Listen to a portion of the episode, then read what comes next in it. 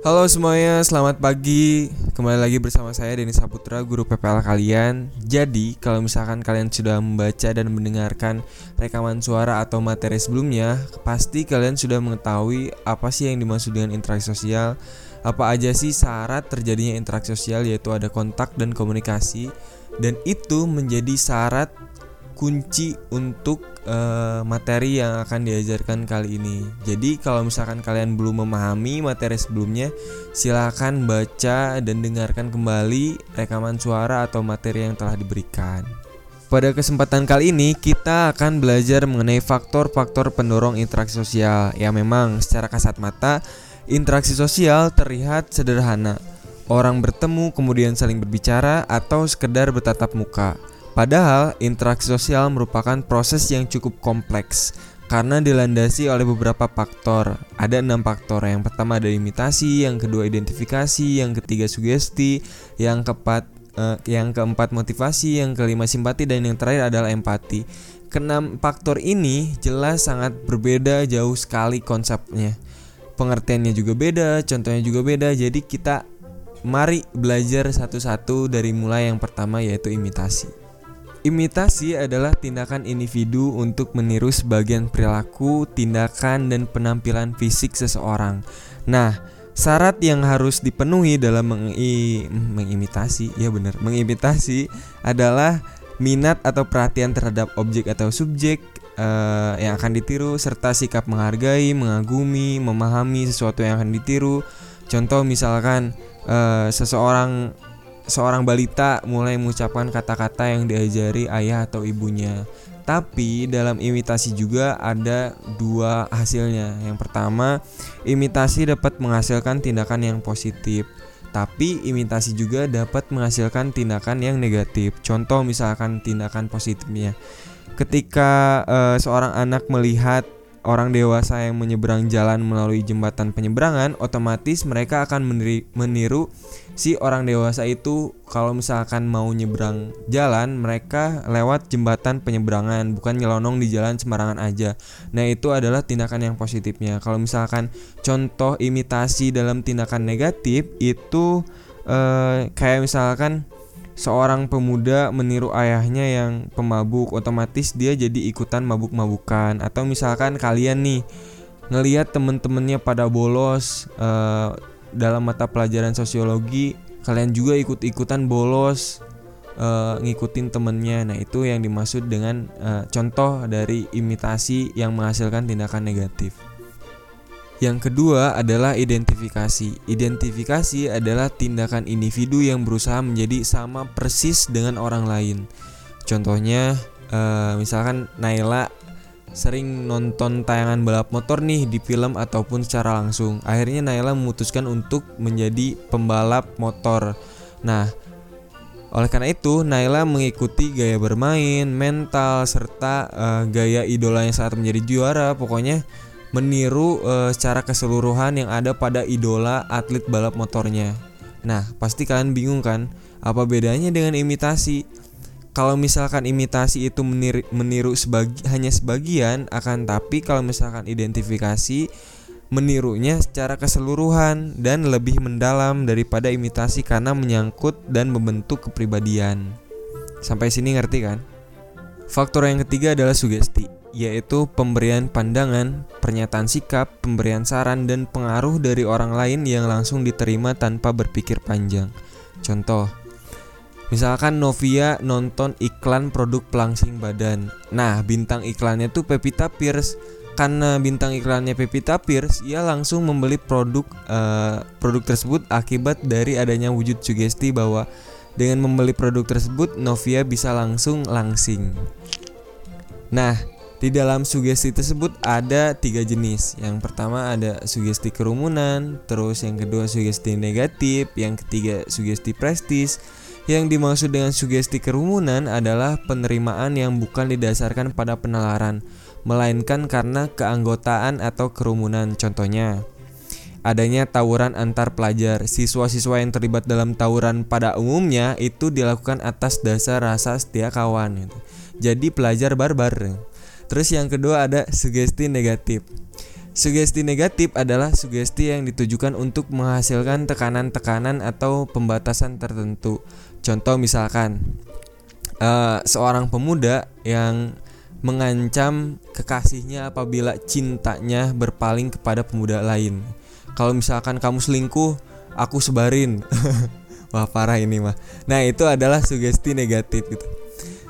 Terus yang ketiga yaitu sugesti prestis sugesti ya lo sugesti prestis yaitu sugesti yang muncul sebagai akibat adanya prestis orang lain contohnya kayak tadi karena Novia nonton uh, iklan dan bintang iklannya adalah Pepita Pierce maka uh, Novia percaya tuh bahwa produk tersebut dapat melangsingkan badan.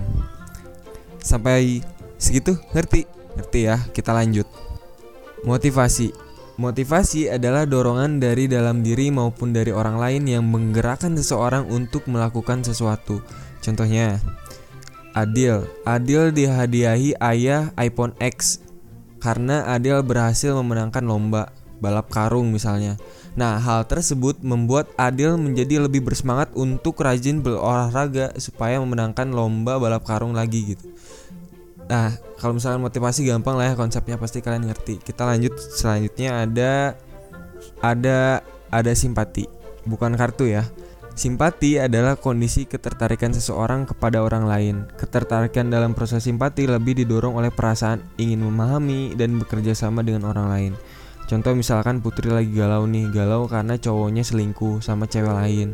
Nah, terus Putri curhat nih sama istri dan istri pun merasakan apa yang dirasakan oleh Putri sehingga uh, istri ikut-ikutan sedih dan juga berduka saat mendengar kabar tersebut. Atau misalkan contoh lain uh, kayak misalkan uh, adanya perasaan ikut sedih dan berduka saat mendengar kabar duka dari keluarga maupun dari teman yang terkena musibah. Oke, lanjut. Yang terakhir ada empati. Empati adalah kondisi ketertarikan seseorang kepada orang lain dengan melibatkan perasaan secara lebih mendalam. Contoh misalkan kayak Yaser lihat uh, yang kemarin tuh bencana alam banjir bandang di Sukabumi. Yaser kasihan sama korban yang terkena dampak dari bencana alam tersebut. Akhirnya Yaser membantu korban bencana alam tersebut dengan cara memberinya bantuan berupa logistik maupun bantuan secara finansial finansial ya bener finansial dan juga emosional nah pasti kalian bingung nih apa bedanya dengan simpati? Kata kunci yang membedakan antara empati dengan simpati adalah kalau dalam empati ada e, perasaan secara lebih mendalam atau disertai pengorbanan. Ada sesuatu yang diberikan kepada orang tersebut. Ngerti gak? Kayak misalkan e, kalau misalkan disimpati cuman berduka doang cuman oh iya uh, semoga tabah ya semoga apa ya nah kalau misalkan dalam empati itu disertai pengorbanan pemberian bantuan uh, berupa barang atau apa pun itu gitu dan ini ada materi tambahan yaitu mengenai hubungan antara keteraturan sosial dengan interaksi sosial. Keteraturan sosial dicapai jika dalam interaksi sosial setiap individu melaksanakan hak dan kewajibannya sesuai dengan peran yang dimilikinya, serta sesuai dengan nilai dan norma yang ada dalam masyarakat. Dengan kata lain, masyarakat yang teratur hanya dapat terwujud jika setiap individu melaksanakan kewajibannya terhadap orang lain dan menerima haknya dari orang lain. Sebaliknya, kalau misalkan individu itu tidak melaksanakan kewajibannya terhadap orang lain, maka akan menimbulkan konflik sosial. Ada beberapa tahapan.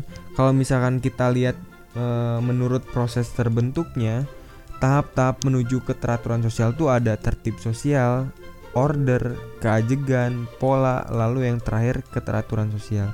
Kita akan bahas satu-satu, jadi kalian harus dengarkan baik-baik karena ini cukup sulit untuk dipahami. Tertib sosial. Tertib sosial yaitu keadaan di mana kehidupan masyarakat yang aman, dinamis, dan teratur yang ditandai dengan setiap individu bertindak sesuai dengan hak dan kewajiban. Contohnya, ketika ada tugas sosiologi, kalian mengerjakan dan mengumpulkan tugasnya tepat sesuai dengan waktu yang telah ditentukan, sehingga kalian pun mendapatkan nilai dari saya ataupun Ibu Risma. Nah, dalam contoh tersebut ada pemenuhan kewajiban, yaitu dengan kalian mengerjakan dan mengumpulkan tugas tepat sesuai dengan waktu yang telah ditentukan. Itu kewajiban kalian, dan kalian pun mendapatkan hak, yaitu mendapatkan nilai dari saya ataupun Ibu Risma. Maaf ya agak emosi, soalnya kalian banyak banget yang nggak ngumpulin tugas atau jarang ngumpulin tugas atau telat ngumpulin tugas.